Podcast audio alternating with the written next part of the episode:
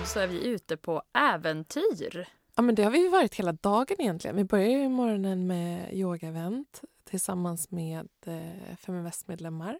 Mm. Eh, där vi även fick möjlighet att prata lite investeringar efteråt, äta frukost ihop och sådär. Verkligen, och det gjorde vi tillsammans med Pureness och eh, The Workout Plan Studio vid Fridhemsplan. Och sen så har vi begett oss till kanske en av de finaste huvudkontoren som jag vet i alla fall. Jag tror till och med att de blev prisade eller åtminstone nominerade för det finaste kontoret för ett par år sedan. Ja, och jag ska berätta för dig, för jag har faktiskt eh, jag har skickat in en ansökan till arkitektutbildningen. Och eh, Gert Wingård är ju lite av en eh, favoritarkitekt från mitt håll. Så att det känns jättekul att få komma och se den här, det här fantastiska bygget som den byrån har, har designat också. Och man ser nästan att du har det, liksom, den här kreativa ådran. För dina barn har ju faktiskt varit och ritat konst till våra väggar på kontoret. Ja, och jag ser det. Jag ser vart det kommer ifrån. Ja, exakt. Jag kom inte in dock på min ritning, så det kanske säger en del. Men det roliga är i alla fall att eh, det är en fantastisk byggnad, SCBs huvudkontor här. Och vi har haft ett samarbete under november där vi har pratat om myter runt pension, vi har pratat om hur man maximerar pensionen. Eh, Tjänstepension. Ja, och också omdefinierat begreppet pension till framtidslön, vilket passar mig toppenbra. För jag tänker också att jag eh, kommer säkert ha några järn i elden. Om jag tittar på hur jag har varit när jag varit mammaledig och startat bolag och hållit på och härjat så, så kommer det förmodligen fortsätta upp i åren. Ja, men precis. Och vi ska ha de här fysiska pensionseventen också tillsammans med SEB i Stockholm, Göteborg och Malmö. Och nu kommer vi knyta ihop den säcken helt enkelt och prata pension i dagens avsnitt tillsammans med Americo Fernandes som är privatekonom på SEB. Ja, så kul att ha dig med, Americo. Tack så mycket och kul att, att få samtala med er eh, båda två, Mikaela och Elin. Americo, du har ju fullt upp. Jag ser ju du dyker upp titt som tätt i olika tidningar och kommenterar eh, som din roll eh, som privatekonom. Vad är det för, liksom, vad, vad, hur ser en arbetsdag ut? Det känns som att du, eh, du är out and about. Först och främst måste du nog börja justera ditt spamfilter, Mikaela, så att det inte kommer upp allt, allt för ofta. Jag beklagar. Men det, jag skulle säga att det, det, har väldigt lite med min egen insats och mer med egentligen den ekonomiska vardag som, som vi många upplever under det senaste året, vilket har gjort att privatekonomiska frågor har blivit högaktuella. Liksom allt ifrån det inflationen som inte många har, har liksom upplevt på den här nivån. Att folk förstår inte riktigt vad innebär det när inflationen ligger på 10-11 procent och lönen inte räcker till lika mycket som det gjorde tidigare. Då vill man veta vad ska man göra? Vad händer med bostadspriserna? Vad händer med bolåneräntorna? Allt det där vill man prata om och då har jag haft eh, tur att ha den rollen jag har där jag gärna gillar att komma ut och prata och försöka förklara de här sakerna. Det är någonting jag drivs av, absolut. Och hur en en, en, vanlig dag ser ut, ja, den skulle jag säga, den varierar väldigt mycket beroende på liksom vad som händer där ute. Till exempel den här veckan har vi ett räntebesked. Då är det mycket fokus på det såklart, att man ska försöka hålla fokus. Och ibland kan det vara poddar, ibland kan det vara kollegor som vill veta och diskutera olika saker. Så det varierar väldigt mycket. Ja, men jag tänker att det är många som bara vill hålla dig i handen och att du ska liksom hela tiden vara med och analysera och fatta beslut åt dem nästan. Ja, och idag ska du också faktiskt hålla våra lyssnare i handen eh, under den här, eh, det här pensionsavsnittet. Men jag tänker först, vill du berätta lite, lite kort om dig själv? Mm, absolut. Eh vilket jag tycker är absolut svårast. Jag, jag pratar med, med media och med kollegor och med allmänheten väldigt mycket. Och det absolut svåraste är att prata om sig själv tycker jag, för man, man, man blir sånt. Men vem är jag? jag? Jag är ju SBs privatekonom eh, först och främst, men sen är jag ju även en nybliven villaägare eh, med både, vad kan man säga, sorg och glädje om man säger så. Det säger så. Jag och min fru, vi har bott och levt i, i innerstan de senaste tio åren. Men du gifte dig för inte så länge sedan va? Nej, nu, tack, nu måste jag komma ihåg datumet rätt. Det var 2016 eh, jag gifte mig, så det har gått några år. Men, eh, men vi, låt oss säga att vi är fortfarande på the honeymoon phase. Ja, eh, underbart. vi, vi upplevs så, som eh, nygifta. Eh, så jag är nybliven husägare, extremt intresserad av såklart ekonomifrågor, men för, framför allt, som jag kanske inte många tänker sig att en privatekonom är, det är att jag är väldigt, en riktig så reality junkie. Jag gillar att liksom blanda hård ekonomifakta och omvärldsbevakning med att sen ha en pyspunka på kvällen och bara sitta och titta på Bachelor eller Bachelorette eller Keep Up With The Kardashians. Så det är, liksom, så det är du som håller hårt. kollegorna uppdaterade på vad som har hänt i liksom olika kärlekshistorier och så?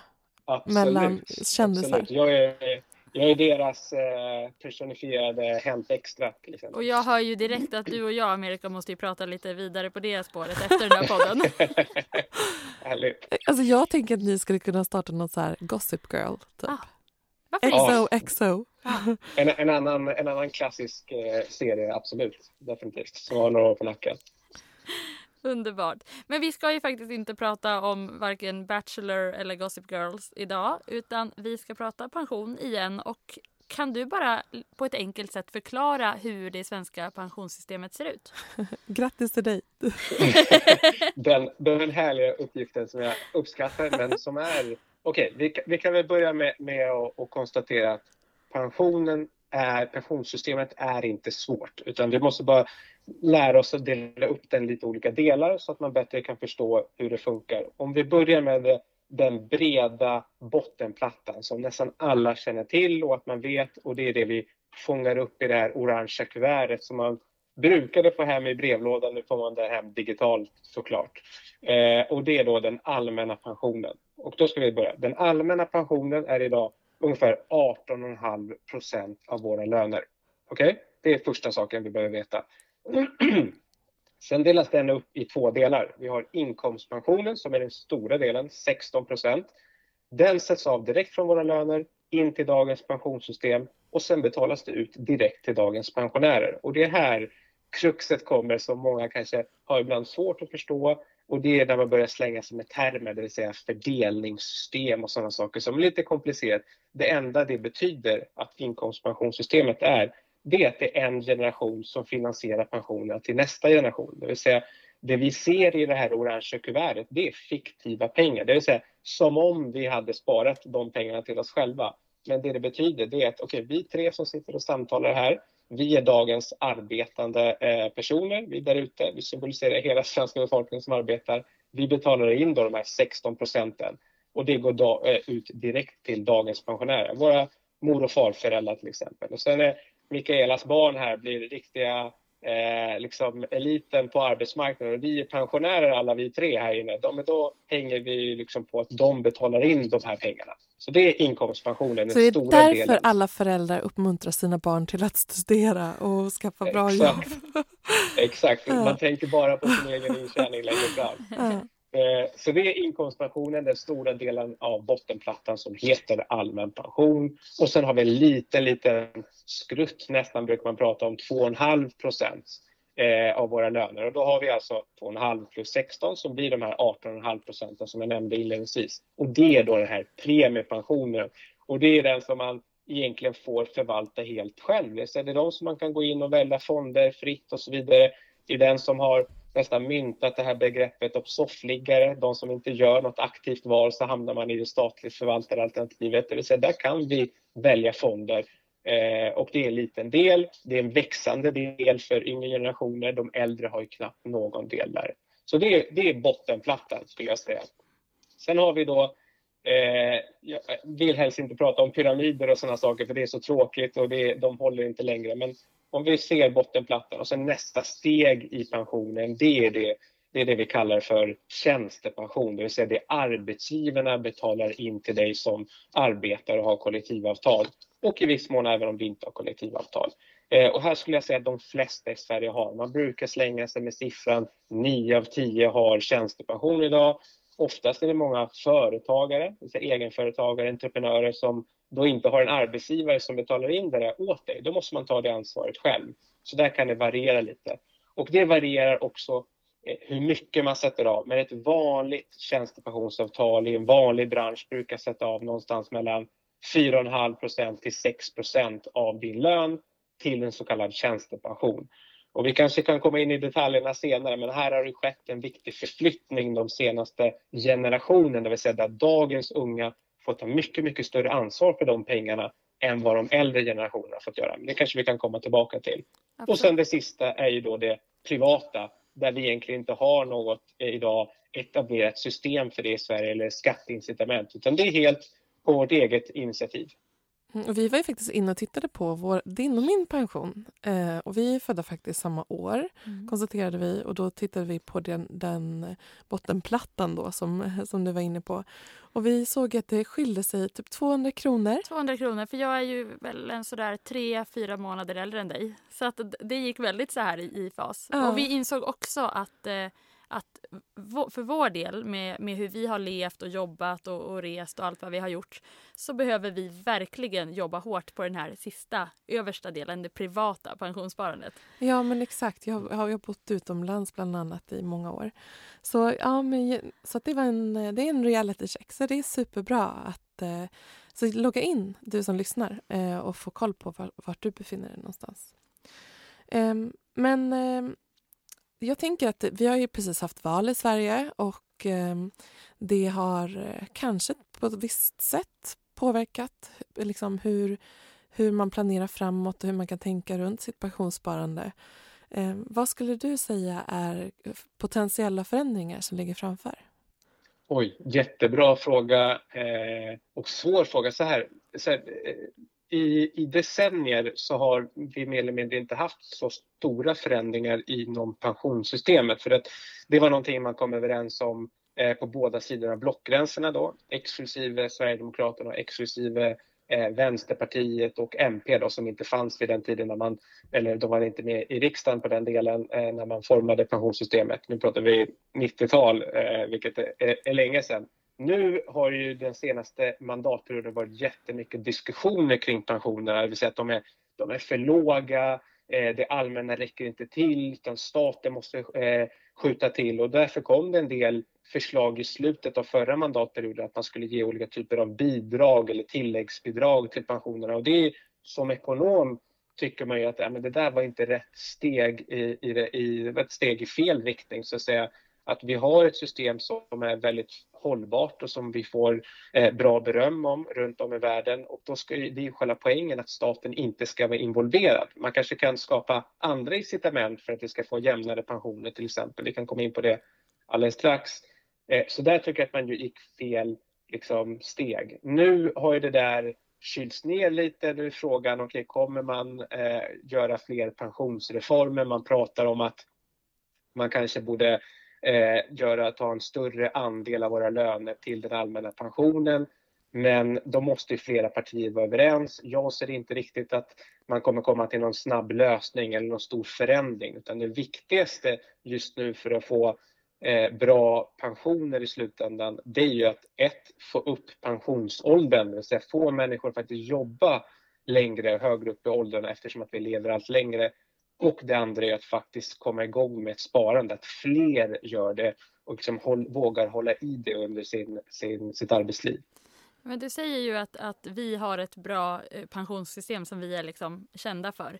Har vi någon, någon förebild? Finns det något land i Europa till exempel som, som har ett, ett, ett ännu bättre system? Ja, och det är ju ganska många. Alltså, jag menar, skulle vi ha fört den här diskussionen för 15-20 år sedan, då var vi nog kanske topp ett, topp två eller någonting i världen när det kommer till pensionssystem. Nu kan man ju titta på lite olika så här rankingar. Jag brukar titta på den här Mercer eh, eh, Global Pension Index Report som kommer varje år där man rankar alla pensionssystem i världen och då har vi halkat ner massa olika platser och ligger runt liksom 6-7 i årets rapport och då har vi länder som Island, Nederländerna, Danmark, Norge, Finland som kommer högre upp än oss i sådana här rankningar. och varför gör man då? Varför gör man det då? Jo, det är framförallt skulle jag säga dels att man kunna eh, erbjuda bättre pensioner från bottenplattan. Dels att man har fått människor att faktiskt pensionera sig lite senare. Och det tredje är att man har tydligare incitament för att spara privat i de länderna. Det har man inte i Sverige. Vi tog ju bort den här avdragsrätten för över ett decennium sedan här hemma i Sverige. Och nu har vi ju, även om ISK är relativt förmånlig, så är det ju egentligen det finns ingenting som får en människa att vilja spara extra just nu och det är därför vi kommer ner i sådana här rankingar. Mm. Mm, ja, vi lever nog kvar i en bild av att vi är liksom bra på, på mycket i Sverige. vi lever lite på gamla meriter. Ja, men typ, både när det kommer till mm. skatt och pension egentligen.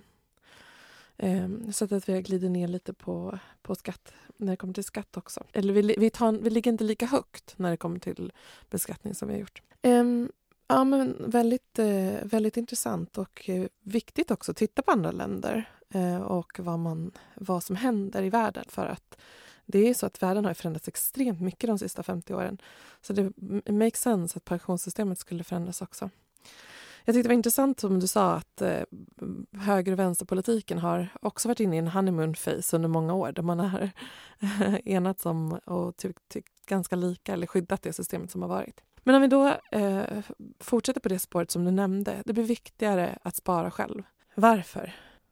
Det är två eh, olika anledningar. Jag säga. Den första och den absolut viktigaste det är ju då att eh, när vi då lever allt längre samtidigt som vi inte riktigt justerar upp vår, eh, vår, eh, vårt arbetsliv. Det vill säga vi jobbar inte högre upp i åldern lika mycket som vi lever längre. Det vill säga att påsen pengar som vi egentligen har samma tid som vi har sparat in till ska räcka till fler år betyder att pensionerna blir lägre.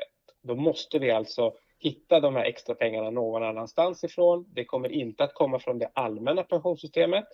Eh, då måste det komma från det privata, det vill säga vi måste spara till vår egen pension för att kunna få den ålderdom eller den framtidslön eller den frihet som man vill ha oavsett om man är 60, 63 eller 68 den dag man vill gå i pension eh, så måste man ta ett större ansvar. Ett annat är då att vi har den yngre generationen skulle jag nästan påstå har blivit tvungna att ta större ansvar. Varför då? Jo, för det är tjänstepensionen som är skulle jag säga, en av de absolut viktigaste delarna i pensionen, det vill säga den som arbetsgivaren betalar till dig eh, där det finns, de flesta kollektivavtalen har två nivåer, det vill säga att man betalar de här 4 till 6 procenten upp till ett visst lönetak och sen för de som tjänar ännu mer och hög, höga inkomster så får man till och med 30 procent avsättningar över ett visst eh, eh, tak. Men saken är att skillnaden från kanske mina föräldrar som hade ett, ett annat pensionssystem, eller ett annat tjänstepensionsplaner, då fick de någonting som hette förmånsbestämda tjänstepensioner av deras arbetsgivare. Vad betyder det? Jo, det betyder att arbetsgivaren sa till den anställda att okej, okay, jag lovar dig en viss procent i, slut, eh, i, i slutlig tjänstepension av din lön. Så du behöver inte fokusera på det, du behöver bara jobba. Eh, jag tar på mig ansvaret som arbetsgivare, se till att de pengarna finns den dagen du slutar jobba. Skönt, tänker man, eller hur? slipper man tänka på det. Idag är ju då de flesta tjänstepensionsplaner premiebestämda eller avgiftsbestämda kan de också kallas. Och det betyder då att arbetsgivaren säger just eh, någonting annat. De säger ja, jag sätter av 4 eller 5 eller 6 procent till din pension. Men sen är det upp till dig vad det blir i slutändan, arbetstagare, Amerika. Du måste placera de pengarna i en rad olika fonder, aktier, eh, fondförsäkring, tradförsäkring. då blir det plötsligt väldigt rörigt och svårt för många. Så ansvaret hos individer har ökat. Och jag tänker så här att det är ganska komplicerat, eller det kanske inte är så komplicerat men, men steget dit, att ta det här privata ansvaret för sin pension, det kan vara svårt, det kan vara en utmaning. Så hur vet jag liksom hur mycket man bör spara och behöver jag tänka olika i olika åldrar eller hur, hur brukar du mm resonera kring det. Men det, det, det är jättebra fråga och fundera. Och jag tycker så här, ja men jag håller nog med. Pensioner kan kanske vara lite komplicerat och jag tror att alla behöver nog inte veta alla detaljer och exakta brytpunkter och sånt där vid varje tillfälle. Jag tror det enda man måste skaffa sig en information om det är okej, okay, hur kan jag påverka pensionen? Det är det första. Det andra är ju precis som ni båda gjorde. Ni gick in på minpension.se och tittade, ja, men hur ser det ut? hur mycket kommer jag få från det allmänna givet att jag jobbar heltid så här länge och så vidare. Då vet man, okej, okay, men så här kommer det se ut för mig. Då vet jag vad jag kan jobba med, hitta verktygen. Eh, sen hur mycket man ska spara och här första floskel i, i, i poddavsnittet och det är spara så mycket som faktiskt blir av. Jag, jag vet inte hur många gånger jag, jag har pratat med, med människor som säger att men, är det liksom 1000 kronor eller 500 kronor eller 5000 kronor jag behöver spara och vad ska jag spara i? Och jag sa att ja, det är alla bra frågor, men det är inte den viktigaste frågan. Den viktigaste frågan är att komma igång med, oavsett om det är ett par hundralappar när man är 21 eller 23, så fort man börjar jobba, sätt igång det där på ett ISK skulle jag säga främst för att det är det som människor oftast upplever som enklast. Senare när man väl kommer igång med hela det där maskineriet med sparande så kan man börja fundera, men ska jag ha en kapitalförsäkring för att jag vill liksom eh, ha olika typer av eh, liksom försäkringsskydd och kunna justera lite mer när det kommer till utbetalning när jag väl går i pension. Det, det är liksom nice to have saker. Jag tycker mm. need to have måste komma först och då är det att bara komma igång. Mm. Och det är ganska bra för då vet man, okej, okay, man har liksom ett långsiktigt sparande på en ISK då, ett investeringssparkonto och eh, man kanske man, de pengarna är ju liksom, man ser hur de växer, man ser hur man kanske kan gå in och pilla i sitt sparande liksom, och välja någon industri eller bransch man tror på kommande årtionde och sådär. Och så det blir, det kanske kan vara en öppning också till ett litet engagemang runt eh, hur, ja, men hur ens egen ekonomi kommer utvecklas. Ja, vi brukar ju prata om att man ska ha de här olika, eh, flera olika ISK för olika horisonter och att det här pensions, den, den väldigt långsiktiga, det är den man inte ska vara och norpa på. Mm. Men... Jag personligen till exempel kände att okej, okay, när jag väl började jobba, nu var ju det ett, ett tag sedan, eh, men när jag väl gjorde det så kände jag att jag vill börja komma igång med, med pensionssparande och slippa tänka på det. Allt handlar om att försöka tycker jag, att liksom befria en från tuffa och svåra ekonomiska beslut i sin vardag. Och då tyckte jag att då gör jag någonting för att komma igång och slippa tänka på min pension i alla fall. För jag vill inte, även om jag älskar att prata pension så vill inte jag prata om min egen eller borra ner mig varje dag i hur min liksom, portfölj ser ut. Så jag satte av en, en 500-lapp varje månad och satte ner ett ISK och så satte jag att men, de här portföljen vill jag ha och sen så har jag den där och jag har inte rört det sen dess. Jag går inte in och tittar på men hur går det just nu när börsen var dålig. Jag gör inget agerande för jag tänker att det är pengar som ska vara på 40-50 år så jag bryr mig inte.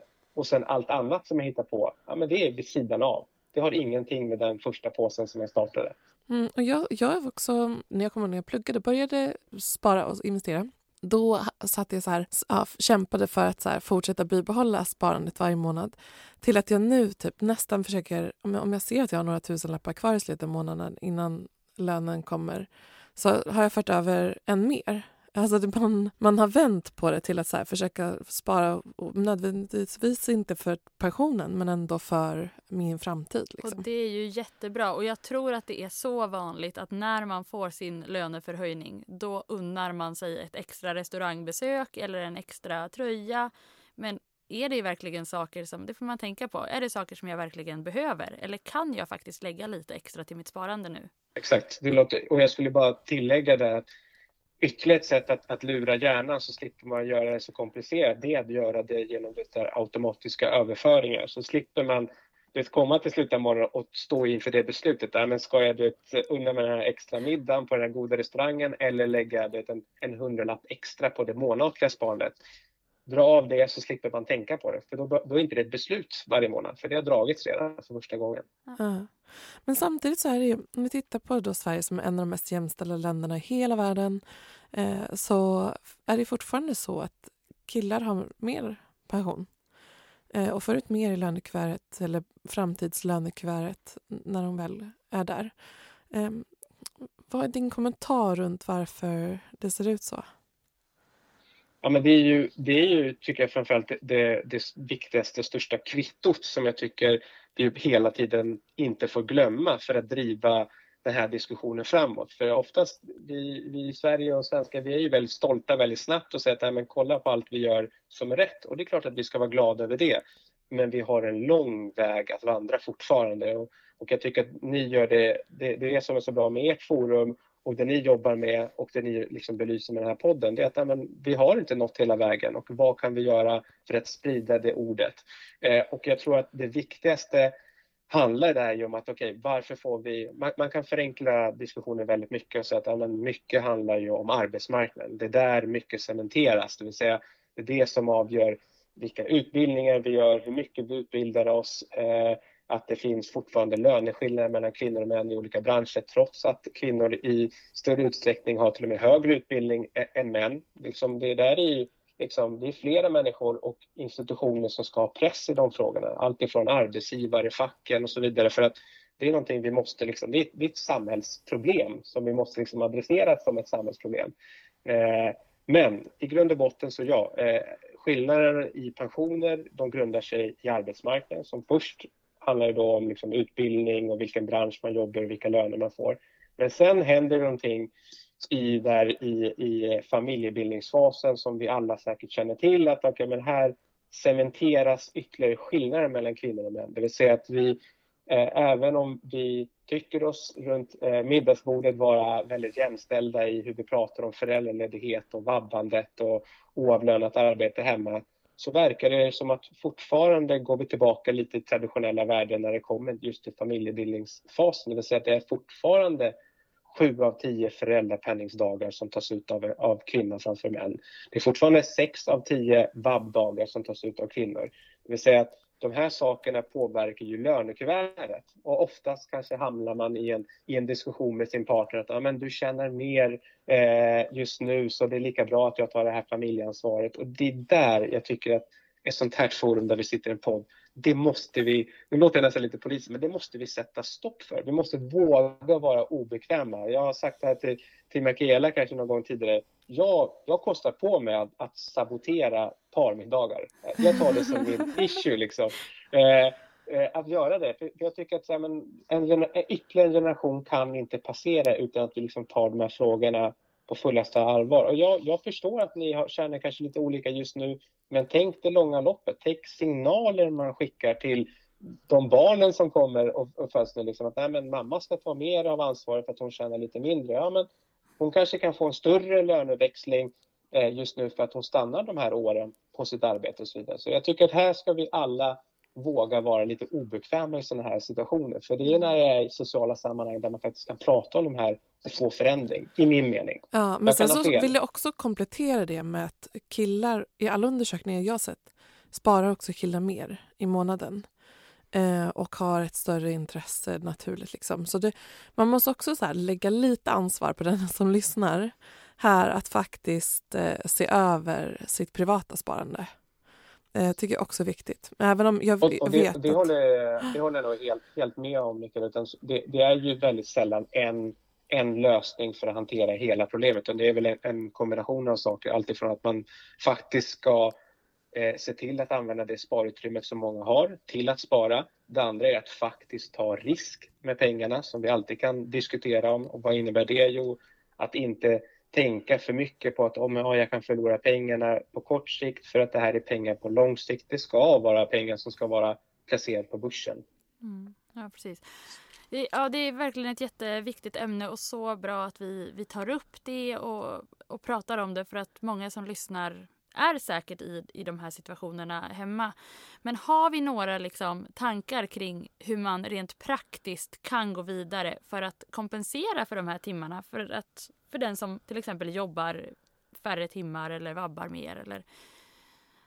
Absolut. Det första handlar ju såklart om att faktiskt prata om det. Eh, det, och det är helt naturligt. Här vill jag absolut inte sätta mig på någon hög häst. Det är extremt jobbigt och svårt att prata mm. ekonomi med sin partner det ska man inte sticka under stolen med. Eh, för min del kanske jag, jag, tycker att det är lite lättare. Jag har varit med min, med min fru då i, sen vi var 17 så vi har, eh, mm. vi har, vi har delat på en Solero en gång i tiden när vi gick på gymnasiet till att vi nu delar hus. Så vi, vi, vi pratar ekonomi väldigt, väldigt mycket i, i vårt förhållande. Men jag tycker att det första är att faktiskt börja prata om de här sakerna. Det andra är att börja räkna. Så det behöver inte vara en så jättestor ansträngning och en jättesvår sak att säga att okej, okay, men om jag går ner i lön eh, för att jag ska stanna hemma med vårt barn under 12 månader eller någonting sånt där, för att det passar vårt hushåll bättre. Full respekt för att det kan vara så. Då kan vi säga så här, ja, men då går ju du faktiskt miste om de här avsättningarna. Det går att räkna på. Det går antingen hos pensionsbolagen, det går att kolla på Eh, försäkringskassan som har bra räknesnurra för att veta hur mycket man faktiskt får som föräldraledig till exempel och säga att ja, men då går jag miste om de här avsättningarna. Hur ska vi då kompensera för det här? Ja, men då måste vi kanske vinkla om hushållets sparande under, de period, under den perioden till då i det här fallet kvinnan som tar kanske större familjeansvaret under den perioden. Viktigt att då göra det som enskild egendom det vill säga att det är pengar som bara tillhör henne så att man inte vid en eventuell skilsmässa ska plötsligt dela på de pengarna. Är man sambos, ja, men då räcker det att man sparar i den personens namn eftersom att de pengarna delar man inte på om man separerar som sambos. Jag tycker att det är viktigt också att vi, vi uppmuntrar kvinnor att göra det. För jag tänker att det också kan finnas mycket så stolthet i det här. Att, att ta den här dialogen. Mm, verkligen. Eh, jag tycker att du har kommit med många bra konkreta tips om vad man kan hitta. Först samla ihop datan på hur det ser ut och räkna på liksom, man kanske både kan räkna men, på pension och, och sen också på liksom, kortsiktigt likviditeten under den perioden man är hemma med barn eller vad det nu kan vara. Eh, jag är nyfiken ändå på att höra vad du tänker om vad det här kan generera för vinning för samhället i stort. Eh, det, det, man får passa på när man har en kompetent ekonom som också är kille. Verkligen.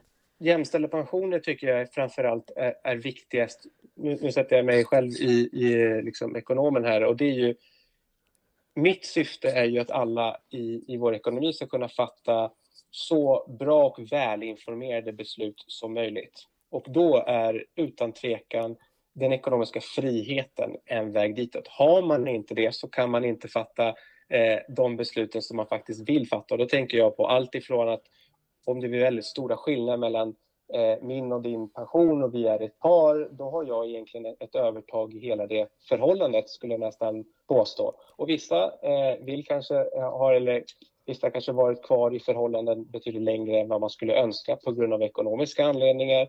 Vissa kanske inte lever ut sin fulla potential för att man vill starta det där företaget men man har inte de pengarna antingen sparat eller man har inte den friheten till pensionen.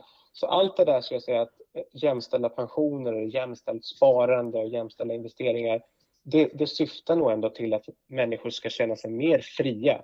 Och friare individer tror jag ändå kommer leda till ett bättre samhälle i, i det långa loppet. Nu blev jag nästan lite filosofisk, men det, ja, men det, det, det är min syn på frågan. Att man får liksom fulfill the potential på olika sätt. I, och där är ju ekonomi en grundförutsättning faktiskt. Mm.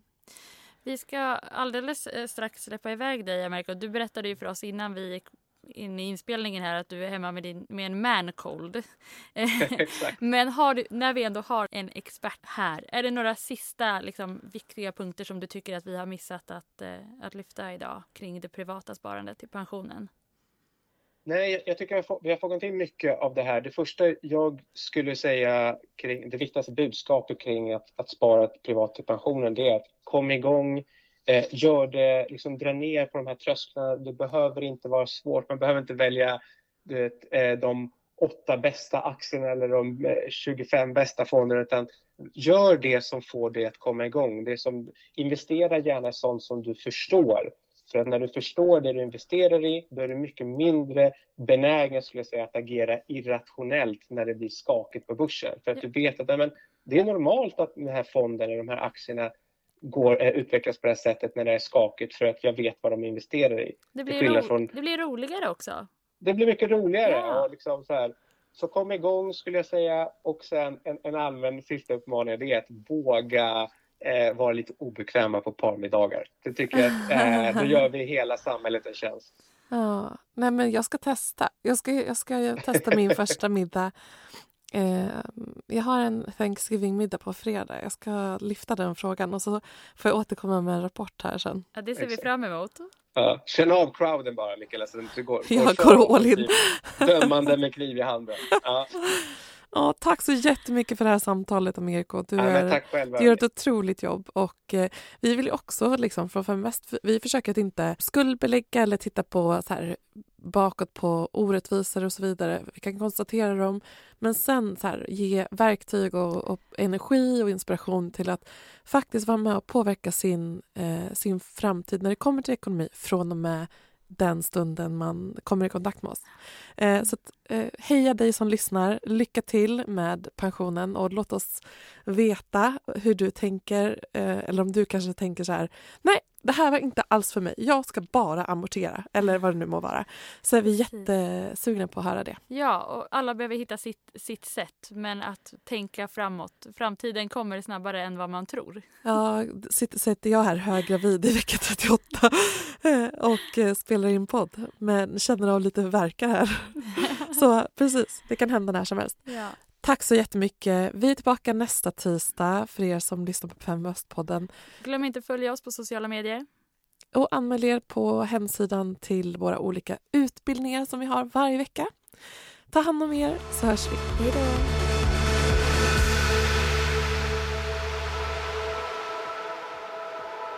Feminvest är Sveriges största investeringsnätverk för tjejer. Vi vill att allt fler ska våga äga och förvalta. Och hur gör vi då detta? Jo, vi vill inspirera, utbilda och utmana runt ägande, investeringar och entreprenörskap. Följ Feminvest på våra kanaler Facebook, Instagram, Youtube. Varje vecka så kommer vi även ut med en podd och du kan ju självklart även följa nyheterna som publiceras på feminvest.nu. Det är bara att söka på Feminvest på samtliga kanaler så hittar du till oss.